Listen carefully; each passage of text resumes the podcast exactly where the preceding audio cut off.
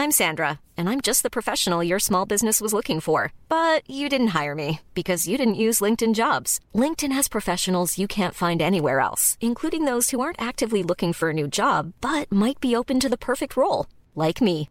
In a given month, over 70% of LinkedIn users don't visit other leading job sites. So if you're not looking on LinkedIn, you'll miss out on great candidates like Sandra. Start hiring professionals like a professional. Post your free job on linkedin.com/spoken today.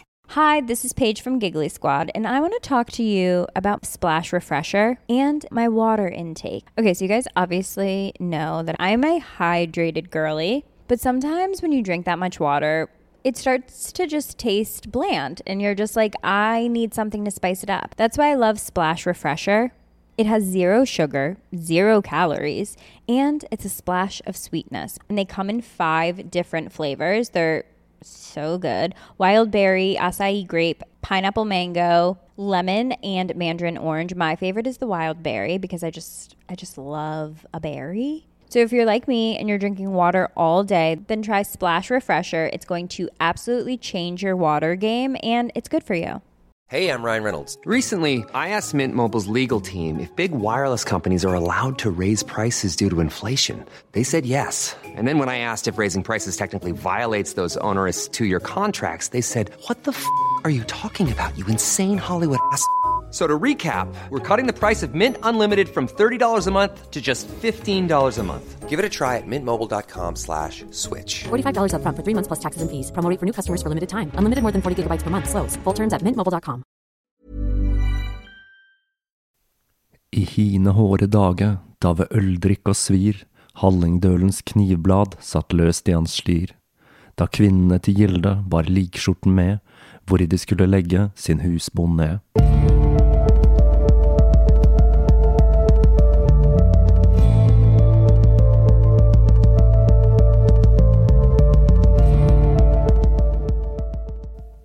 Hei og velkommen til eh, Tåkeprat. Jeg heter Even, og når jeg tar opp denne episode 100, så er det søndag den 7. april 2019. Da er vi altså kommet helt til episode 100 av Tåkeprat. Og for en reise det har vært. For meg så virker det som om podkasten eksisterer i et eget tidrom, og det virker så ufattelig lenge siden første gang jeg forsøkte å lage en podkast på norsk, uten helt å vite hvordan jeg skulle gripe dette an. Men det skulle ikke ta lang tid før arbeidet med podkasten gjennomsyret hverdagen min og minner fra livet i perioden jeg har holdt på, er uløselig knyttet til tåkeprat. Langs veien fram til episode 100 så har jeg kommet i kontakt med utrolig mange spennende og hyggelige mennesker. Noe som først kom litt overraskende på meg, da jeg nok ikke er så kjempepositiv til hva fri kommunikasjonsflyt, digitalisering og sosiale medier har gjort med den offentlige dialogen. Men jeg fikk etter hvert passet mitt påskrevet av en lytter som skrev noe i retning av at unnskyld meg, men når du har en såpass nerdete podkast, så må du regne med å tiltrekke deg intelligente mennesker. Og det er nok en kjerne av sannhet i akkurat det. Jeg er i dag veldig glad for at jeg aldri har booket under for press om å fokusere på et spesifikt tema. men heller har valgt å gå for et bredt spekter av tematikk som interesserer meg. Litt som disse polymattene som dukker opp fra tid til annen her i Tåkeprat. Og jeg syns det er spennende å se på, nærmere på ulike tema og ta med meg lærdom som kan brukes i forbindelse med andre emner. Og nettopp denne krysspollineringen i historiefortellingen har vært en spennende bonus med podcasten, og gjør at det er en slags rød tråd i episodene, til tross for stor spennvidde i tematikk. Siden episode nummer én så liker jeg i hvert fall selv å tro at jeg er blitt bedre til å formidle til en stor gruppe mennesker med ulike forutsetninger og innfallsvinkler til tematikken. Og, jeg håper jeg kan si det samme om denne episoden når jeg runder episode 200. I tillegg så føler jeg at jo mer jeg jobber med tåkeprat, jo mer egenart får podkasten, og det må jo være en god ting. Det virker litt som om podkasten faktisk eksisterer i sitt eget tidrom. For til tross for at det føles ut som en evighet siden jeg startet med den, så kjennes det ut som jeg bare så vidt har begynt nå som jeg kommer til episode 100.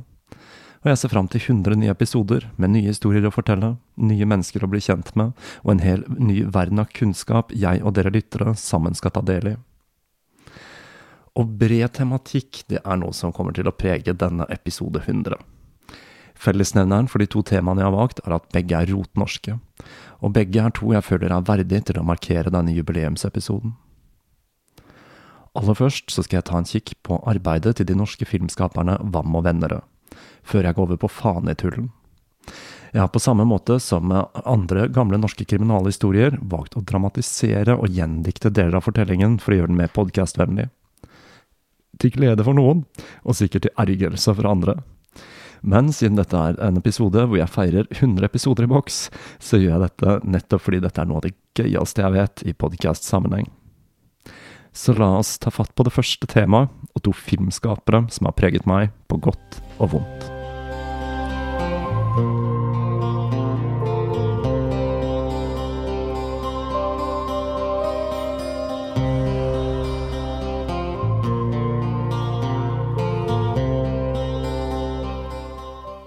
Hvorfor ta for meg Vam og Vennerød? De av dere som kjenner meg personlig, vet at Vam og Vennerød har en spesiell plass i hjertet mitt. Disse to norske filmskaperne startet sin karriere i 1975, holdt på til midten av 90-tallet, og er kjent for bekmørke og utilsiktede komiske filmer. Filmene blir beskrevet som sosialrealistiske, men det er nok ikke slik jeg ser det, selv om dette nok var intensjonen fra Hva Vam og oss selv. Jeg tenkte derfor jeg skulle snakke litt om hva som gjør at jeg i flere tiår har latt meg fascinere av Hva Vam og oss univers. For de av dere som ikke kjenner til Hva og Vennerød, så kan det være greit å tenke på den virkeligheten de skildrer som et slags parallelt univers med et eget sett naturlover. La oss i god Vam og Vennerød-stil kalle dette universet for det sosialdemokratiske helvete. Dette er en virkelighet fylt av rus, vold, sjalusi, seksualitet og ikke minst frisk språkbruk. Jeg får faktisk assosiasjoner til Svedenborgs helvete av det hele. Selv de av dere som ikke kjenner til Hva og vennere, har sikkert hørt strofen Snurp igjen smella di, du maser som et lokomotiv, som blir gjort kjent av Bård Tufte og Harald Eia i Åpen post. Denne kommer fra Lasse og Geir, debutfilmen til Hva og vennere. I Hva og venner-sammenheng så er dette en lett film, og regnes som en samfunnskritisk komedie. Selv så syns jeg Lasse og Geir varierer litt i kvalitet, men det er enkelte scener som er noen av de mest minneverdige i norsk filmhistorie. Her tenker jeg spesielt på busscenen, hvor Lasse og Geir sitter på den bakerste raden, drikker øl og terroriserer de andre passasjerene, med den ene friske replikken etter den andre. Før til slutt Lasse, eller var det Geir, blotter seg for en eldre dame på bussen, og politiet blir tilkalt. Jeg skal ikke ta for meg alle de 14 filmene duoene sto bak i løpet av sin karriere. De ga nemlig nesten ut en film i året mens de var aktive. Men akkurat Lasse og Geir er verdt å nevne som en debutfilm. Og filmen som kom etter Lasse og Geir, er en av mine personlige favoritter, nemlig Det tause flertall fra 1977. Dette er på samme måte som Lasse og Geir, en lett film, og den ble markedsført som en komedie. Jeg så den igjen for ikke så lenge siden, og jeg lo så jeg hadde problemer med å puste. Men det var nok litt andre ting enn hva som egentlig var intensjonene til filmskaperne, som gjorde at jeg lå og ristet i latterkrampe på sofaen. Det som er utrolig kult med Hva med venner, er at filmene, til tross for at de foregår i parallelluniverset, det sosialdemokratiske helvete, fungerer som en slags tidskapsel. Og det er utrolig gøy å se hvordan Oslo, og ikke minst menneskene og samfunnet, så ut på 70-tallet. Det tause flertall handler om Øystein. Og Øystein han er på jakt etter en kjæreste. Som vanlig i Mamma, venner og univers, så går dette galt og Øystein blir revet mellom sine foreldre, som spiser smertestillende tabletter, kake og ser på TV, og møter med kvinner som ikke lenger fører seg inn i det tradisjonelle kjønnsrollemønsteret i 70-tallets Norge. Det som gjør at jeg liker akkurat denne filmen så utrolig godt, er at det til stadighet dukker opp små sekvenser som gjør det hele helt absurd. Som dørselgere som dukker opp til stadighet, som eksempel ei jente som sier Vil du kjøpe et merke, det er til inntekt for kristendommen. Eller nattklubbscenen, der Øystein spiser karbonade fordi det er spiseplikt, og vi blir introdusert for dansenummeret som skulle bli en del av logoen til filmselskapet til Vam og Vennerød, Mefistofilm. Dialogen er altså et sentralt element i Vam og Vennerøds univers. For noen år siden så var jeg på en jubileumsvisning av Adjø solidaritet, hvor jeg var så heldig å sitte et par plasser til høyre for Sossen Krog, som spiller i filmen. Det var litt kjendisskrutt fra meg der, altså. På dette arrangementet fortalte Petter Vennerød at de var ekstremt nøye på at skuespillerne skulle følge replikkene i manus akkurat slik de var skrevet, og at han i ettertid innså at dette nok ikke alltid var så heldig. Rollelisten til Det tause flertall sier også sitt om handlingen. Her finner vi både Bjørn Floberg i rollen som Jesus-frik, og Christian Vennerød i rollen som rasist. Herlige saker og en sterk anbefaling fra meg. Dessverre så er filmen vanskelig å få tak i. Mefistofilm begynte å gi ut noen filmer på DVD for herrens mange år siden, men det sluttet dessverre med det. Filmen lå lenge ute på YouTube, men sist jeg sjekket, så var den tatt ned. Så vær så snill, om noen der ute kjenner til Mefistofilm, eller hvem enn nå som har rettighetene til katalogen til Vam og Vennerød, legg disse ut for salg digitalt, eller få de på en strømmetjeneste. Drømmen er å forsøke å binche alle 14 filmene. Er mulig det ikke ville vært helt sunt, men jeg er i det minste villig til å forsøke. Etter disse to lettbeinte filmene så skulle Vam og venner ta en mørk vending, og bevege seg inn i det beksvarte landskapet som skulle prege filmene i resten av deres karriere, med Hvem har bestemt fra 1978. I filmen, hvor Petter Vennerød selv spiller hovedrollen som Ottar, er han en ung mann som kjemper mot det etablerte samfunnet, eller det sosialdemokratiske helvete, om du vil. Og han blir til slutt utsatt for tvungen psykiatrisk behandling fordi han nekter å innfinne seg i det ordinære samfunnet. Og det er tråden Vam og Vennerød skulle følge gjennom store deler av karrieren. De maler et bilde av et samfunn der sosialisme, fellesskap og idealismen fra hippetiden må vike vei for kapitalisme og overtramp fra overmakta. Eller for å sitere Fridtjof fra Adjø solidaritet, alt er så mye hardere nå, fatter'n. Jeg skal som sagt ikke ta for meg alle filmene deres, men her er både Adjø solidaritet fra 1985 og Drømmeslottet fra året etter gode eksempler på akkurat denne sosiale overgangen som er en så vesentlig tråd i filmene deres fra 80-tallet. Og så ble alt bare kullsvart. For i 1988 kom en av de mørkeste filmene i norsk filmhistorie, Hotell St. Pauli. En film basert på boka Jord av Erland Kjøsterud. Denne filmen ble hauset opp voldsomt i samtiden, ikke minst fordi den inneholdt scener med ekte sex og andre perversiteter. Hotell St. Pauli inneholder forbausende lite dialog til å være en Vam og Vennerød-film.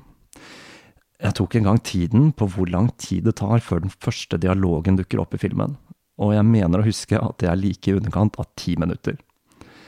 Men filmen har flere kjente replikker, som Er du hore? Kanskje det? Hvor mye koster det? Filmen handler om Morgan, som bor på en gård på Nedre Eiker.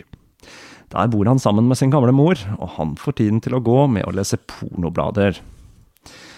Morgan bestemmer seg for å dra til storbyen for å kjøpe sex, og i storbyen så møter han Gerda, spilt av Amanda Oms. Det går selvsagt strake veien rett til helvete, og det hele starter når de røyker verdenshistoriens mest stusslige pottplante, som Gerda og mannen Jord har stående i vinduskarmen. Morgan blir gal, og resten er historie. Filmen ble som sagt kontroversiell, men den regnes nok av mange som Vam og hos magnum opus. Og det er kanskje den filmen de er mest kjent for blant folk flest, i tillegg til Lasse og Geir, pga. drahjelpen fra Åpen post. Etter å ha dykket ned i sitt dypeste mørke, gikk de igjen over til en lettere film, med Bryllupsfesten, som kom i 1989. En komedie det er ganske lenge siden jeg har sett, og en jeg husker som ganske kjedelig. Men så, i 1992, kom en film som ble slaktet av kritikerne, men en jeg har som en av mine absolutte favorittfilmer gjennom tidene. Nemlig Lucky, gutten som kunne fly. Lucky er den perfekte blanding av mørke, filmatisk symbolikk, dramatisk musikk og kleine replikker. Det er en film jeg har sett utrolig mange ganger, og det er ikke mer enn en knapp måned siden jeg så den sist. Noe som er litt av grunnen til at jeg bare måtte snakke litt om Vam og Vennerød i denne episoden. Lucky kombinerer alle elementene fra Vam og Vennerøds tidligere filmer. Han bor hos sin mor og er skilt fra faren. Mor drikker konstant og har mange elskere som ikke går av veien for å løpe nakne gjennom leiligheten i sekvenser i sakte film med dramatisk musikk. Samtidig er faren i et nytt forhold, og Lucky har et svært anstrengt forhold til sin far, og faren han forsøker å knytte seg til sønnen ved å lære han livets, eller skal vi si seksuallivets realiteter. Når Lucky spør hva betyr unnfanget, så svarer far det er når kukken spruter på egga. Lucky har tydeligvis plukket opp en og annen ting fra far, for når han får nok av morens eskapader og ringer far for å be han hente han, så begrunner han det med de hyler når hun suger dem. Av andre høydepunkter fra filmen så kan minnesekvensene fra Lakkis barndom nevnes. Hvor han husker hvordan mor og far begynte å krangle på en telttur etter mor festet hele natten med en mann i bar overkropp som plutselig dukker opp i kajakk. Eller som når mor inviterer gymlæreren som mobber Lucky på middag fordi hun syns han har så sexy stemme etter å ha snakket med ham på telefonen. Når jeg så denne filmen på ny, så lo jeg så hardt at det nesten var smertefullt. Og jeg må si at til tross for at denne filmen nok kan beskrives som en kalkun, og at den ble slaktet når den kom, så holder den et filmatisk nivå som gjør at den er langt mer enn bare en ordinær B-film. Og det er nettopp det som gjør at jeg ser denne gang på gang, og blir like overrasket over hvordan den ene fantastiske sekvensen ble avløst av den andre. Der Lasse og Geir er litt opp og ned, er Lakk en eneste stor Vam og Vennerød-fest fra begynnelse til slutt.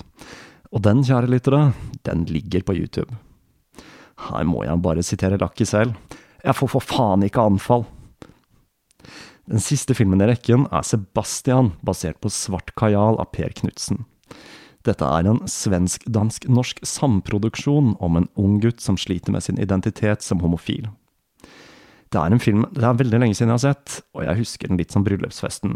Som litt kjedelig, og i tillegg veldig svensk. Sven Wam døde i 2017, 71 år gammel. Jeg føler at de filmene de to produserte, aldri helt har fått den anerkjennelsen de fortjener. I samtiden ble de av mange sett på som helt greie norske filmer, og i ettertid så har de fått et enormt kalkunstempel. Wam og Vennerød samarbeidet med en rekke kjente og ikke fullt så kjente skuespillere. Og det at enkelte personer, som Jorunn Kjelsby, figurerer i så mange av produksjonene, og at stemningen i filmene er så karakteristisk, gjør at jeg ser litt på Wam og Vennerød som et slags norsk svar på det britiske filmstudioet Hammer Films. Hey, I'm Ryan Reynolds. Recently, I asked Mint Mobile's legal team if big wireless companies are allowed to raise prices due to inflation. They said yes. And then when I asked if raising prices technically violates those onerous two year contracts, they said, What the f are you talking about, you insane Hollywood ass?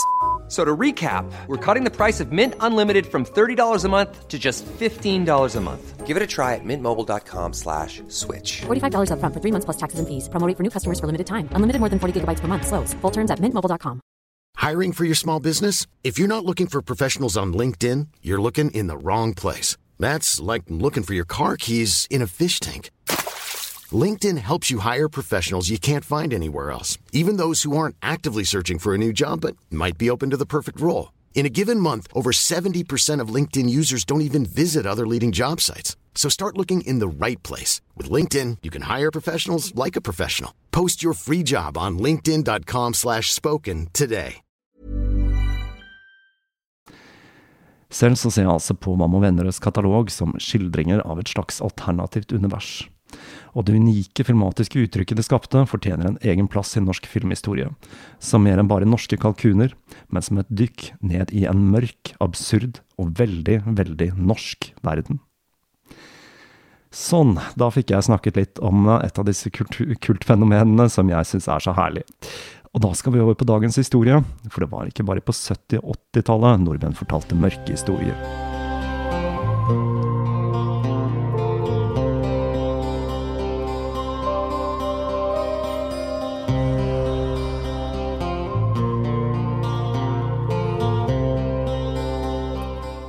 Fandens felespill er et som er godt forankret i folketroen.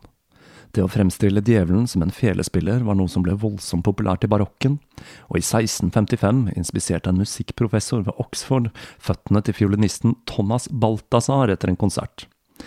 Balthazar hadde nemlig spilt så fantastisk at professoren undret seg om han ikke var selveste fanden. På samme måte gikk det rykter om at Paganini var besatt av djevelen, og det er mange historier og mye spenning knyttet til dette. Det blir til og med sagt at en av strengene på fiolinen hans var laget av tarmene til en kvinne han hadde myrdet. Nå er det mulig jeg som tenker litt koffert her, men jeg syns det er litt gøy at dette dreide seg om G-strengen. Fiolinen er et instrument basert på strengeinstrumenter fra den arabiske verden, og nettopp denne tilknytningen til det mystiske Østen gjorde at folk følte at instrumentet hadde noe syndig over seg.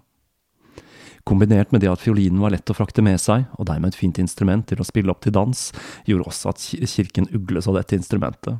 For som vi alle vet, så fører dans og moro til synd av den typen kirken ikke var så glad i. Det gjorde sikkert ikke saken bedre at fiolinen dukket opp i flere av disse høytidene som overlevde kristningen. Hardingfela er den norske utgaven av dette djevelens instrument. Og den er kjennetegnet av at den har en underliggende eh, sett med resonansestrenger, noe som gir den karakteristiske hardingfelelyden. I tillegg så er hardingfelene dekorert. Fanitullen, eller Fandens trall, er en slått knyttet til et sagn som senere skulle inspirere Jørgen Moe til å skrive ned en versjon av sagnet i verseform i 1840-årene. Selv om knivslagsmål på bygda var en forholdsvis vanlig affære på 1700-tallet, så er denne fortellingen knyttet til et bryllup i Hol i 1724, og ikke Hemsedal, slik som det ble fortalt av Jørgen Moe. Dessverre så er tingbøkene fra Hallingdal i akkurat denne perioden gått tapt, men dommen ble anket i Oslo lagting, og ut ifra de rettsprotokollene så er det mulig å danne seg et bilde av hva som skjedde, og følgene det fikk, ikke bare for de involverte kamphanene, men også for ei ung jente fra bygda.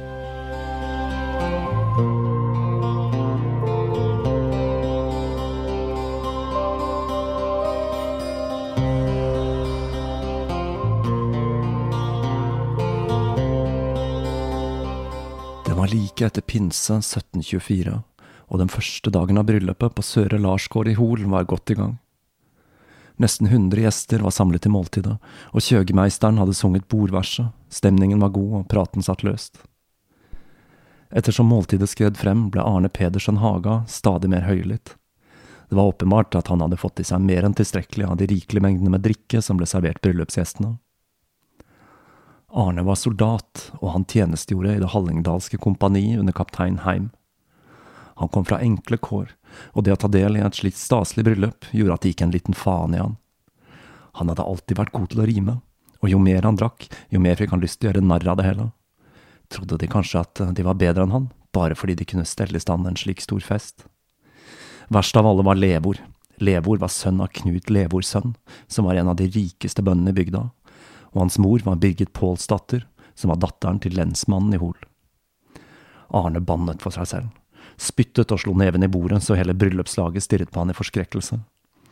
Litt ustøtt reiste han seg fra plassen sin og begynte å tale til forsamlingen. Dere har alle hørt kjøgemeisterens tale til brudeparet. Men de er tross alt ikke de mest fornemme blant gjestene her i dag, for selveste Levor Knutson Sønderål har behaget oss med sitt nærvær, og det syns jeg fortjener en skål. Arne skålet, men forsamlingen forble taus. Sett deg ned, hvisket Kari, som satt ved siden av den overstadig berusede Arne. Men han satte seg ikke ned, og etter å ha tatt en styrkende tår, så kremtet han og begynte å dikte en vise om den fornemme Levor og hans velstående slekt. Arne hadde jo alltid vært god til å rime, men denne gangen så kom ordene så underlig lett. Han spottet Levor på det mest nedverdigende vis, og den ene strofen avløste den andre som om ordene ble hvisket rett i øret hans. Forsamlingen forsøkte å få Arne til å stanse, og fortvilelsen var til å ta og føle på. Men Arne sang bare sterkere, og når protestene ble høylytte, så trakk han tollekniven, la den framfor seg, mens han fortalte forsamlingen at dette var en særs kvass og farlig kniv. Da brøt Leve den spente stemningen. Han reiste seg fra plassen og snakket til Arne. Bror, legg vekk kniven. Plutselig var det som om noe slapp Arne, og han satte seg ned på plassen mens han flirte av det hele. Kjøgemeisteren gjorde tegn til at spellemannene skulle starte opp igjen, og sakte, men sikkert så kom praten i gang, og kvelden fortsatte ut med mer bråk. Men fra plassen sin satt Arne og skulte på Levor. Festlighetene, drikkingen og spillingen fortsatte tidlig neste morgen. Igjen ble Arne grepet av en trang til å la Levor få unngjelde. Han fortsatte å drikke strie strømmer, og til en annen av bryllupsgjestene, Klaus Olsson, sa han at fanden fare meg om jeg ikke skal drepe Levor Knutson før han drar fra gården. En forskrekket Klaus forsøkte å roe ned Arne, men Arne ba ham bryskt tie stille. Levor ante uråd, og forlot gården for å unngå en ny konfrontasjon med Arne. Når Arne oppdaget at Leveord var ingen plass å finne, så hørte han med de andre karene som satt og drakk frokosten sin i bryllupsstua. De fortalte at Leveord var dratt hjem, og da fikk han fart på seg. Han dro for å finne Leveord. Det tok litt tid før de andre forsto hva som var i ferd med å skje, men det gikk etter hvert opp for dem at noe var fryktelig galt, og et par av de minst berusede karene, Asle Olsøn og Thomas Levorsønn, satte etter han.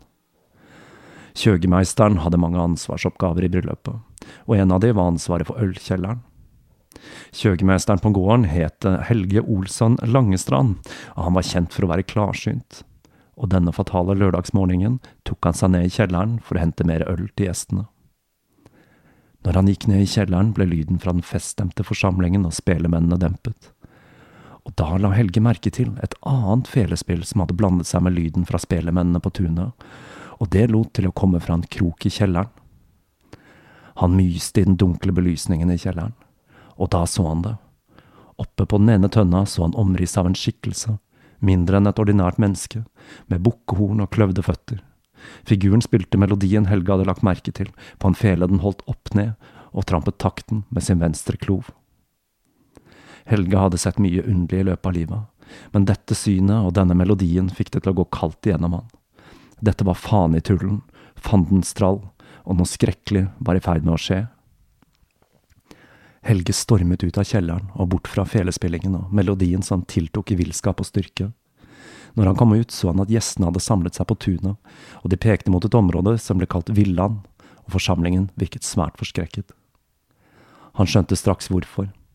Han kunne se at Arne løp etter Levor, og når han tok han igjen, slo han Levor med et slag midt i ansiktet, trakk tollekniven og slo han flere ganger med skaftet på kniven.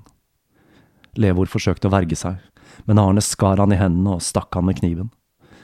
Når Asle og Thomas tok de to igjen, hadde begge trukket kniv og forsøkt å stikke hverandre. De to karene tok tak i hver sin kamphane og forsøkte å skille de, men det var ikke lett. Asle og Levor falt over ende i et kratt, mens Thomas forsøkte å holde Arne tilbake. Men de to rivalene var sterke, og bryllupets festivitas og røslig inntak av alkohol hadde satt sitt preg på alle fire.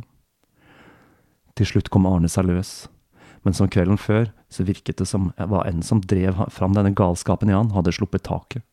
Han stirret litt forfjamset på tollekniven, og så på Levor men fanden hadde ikke forlatt slagsmålet. For nå var det Levor som hadde fått galskapen i blikket. Han rev seg løs fra grepet til Asle og bykset mot Arne med kniven trukket. Arne begynte å løpe, og han løp for livet. Drikkingen og slåsskampen hadde gjort at Arne ikke var riktig så stø på beina som han vanligvis var, og han snublet i en rot og falt over ende. Levor kastet seg over han, dro hodet hans bakover og skar ned fra hans venstre øre og over halsen. Arne grep seg mot det gapende halsåret. Blodet rant i strie stønner nedover finstasen hans. Levor så på mannen som tidligere hadde forsøkt å ta livet av han, der han forsøkte å si noen siste ord med sin overskårne strupe, mens livet sakte forlot han. Levor forsto at han denne dagen var blitt drapsmann, og han flyktet til fjells. Når saken kom opp i Hol bygdeting, ble Levor dømt til døden. Men siden han kom fra en velstående familie, så engasjerte hans far Knut Levorsønn en sakfører, og saken ble anket til lagtinget. For det var tross alt Arne som hadde startet konflikten. Levor hadde til og med forsøkt å komme seg unna, så dette måtte da dreie seg om nødverge. Til tross for argumentasjonen fra sakføreren, så mente lagretten at ettersom vitner hadde forklart at Levor hadde løpt etter Arne og holdt ham fast for å utføre drapet, så var dette langt fra en handling utført i nødverge, og dommen ble opprettholdt.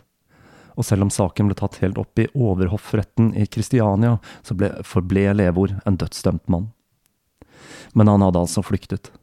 Levor levde som en rømling i utkanten av bygda, og han fikk hjelp av slekt og venner. Men tilværelsen som rømling var ikke lett, og Levor savnet livet som soldat, så han dro til Bergen, hvor han vervet seg. Dette forsøket på å starte et normalt liv skar seg i 1732, da han ble gjenkjent og arrestert.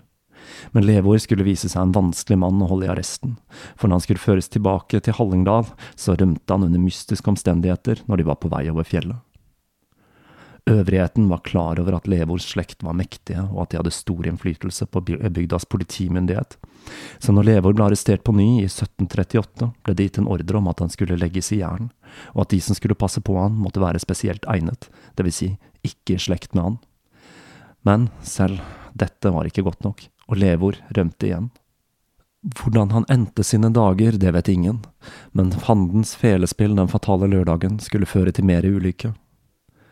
Levor holdt seg i nærheten av slekt og venner, noe av det at hans kone fødte to barn etter drapet, understreker. Levor søkte også varme i sengehalmen med andre kvinner enn sin kone i de kalde hallingvintrene.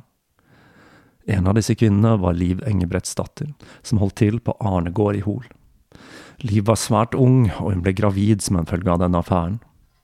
Skammen hun ville bringe over familien ved å få barn utenfor ekteskapet, med en gift mann og attpåtil en mannedreper, var utilgivelig og Liv forsøkte det hun kunne å skjule graviditeten for familie og venner.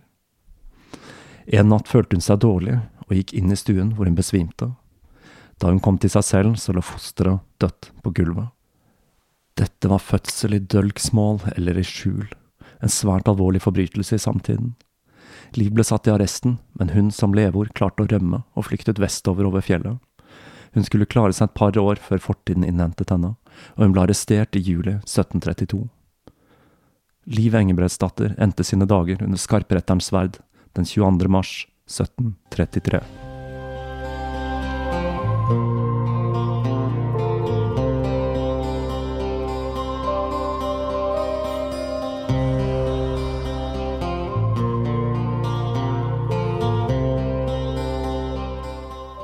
Det er historien om hvordan et av våre mest kjente sagn og slåtter ble til. Det er mulig at Vam og Vennerøds univers hadde vært mer passende for å beskrive Norge på 1700-tallet enn sin egen samtid. For ekstrem fyll, slagsmål og knivdrap var faste innslag mange steder i landet. Vi har det tross alt ikke så verst i 2019. Kjøgemeisteren var en sentral figur i Norge på den tiden, og sammen med spellemennene så var han en av de viktigste personene i festlige lag. Det tilsvarende i dag er en toastmaster, men kjøgemeisteren hadde langt flere oppgaver enn hva vi tillegger dagens toastmaster. Han holdt styr på gjestene, og han var gjerne den som sto for invitasjonene. Han var rett og slett en slags eventmanager, og rollen var så omfattende at det fantes flere rene profesjonelle kjøgemeistere. Med episode 100 i boks så skal jeg igjen ta fatt på en ny serie. Og denne blir skrekkelig lang. Igjen så skal jeg over på et tema der jeg kommer til å slite fælt med steds- og personnavn. Dette dreier seg om en person som hadde en stor historisk betydning, og det er skrevet en hel masse om han. Men like fullt så fremstår han som mystisk og noe vanskelig å bli klok på. Han var kjent for sitt meget spesielle blikk. Noen betraktet han som en Kristusfigur, mens andre trodde han var djevelen selv. Og da tenker jeg mange av dere kan gjette hvem jeg skal gi meg i kast med i neste episode. Så mens jeg tar fatt på arbeidet med de neste 100 episodene, så vil jeg oppfordre til å følge podkasten i sosiale medier, gi en god rating eller bli en patrion. Linker og info finner dere på tåkeprat.com. På gjenhør.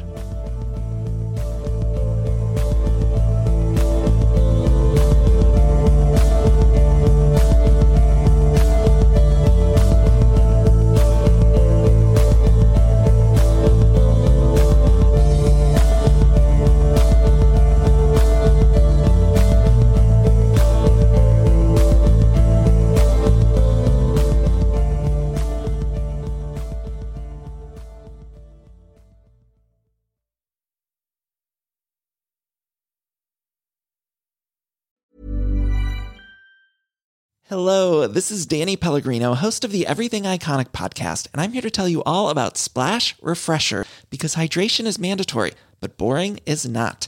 Now, I love my water, but if I don't spice it up, I'm not going to finish what I took out of the fridge. That's why I love my Splash Refresher, which is flavorful, delicious, bright, hydrating, and zero calories. The wild berry flavor is my fave.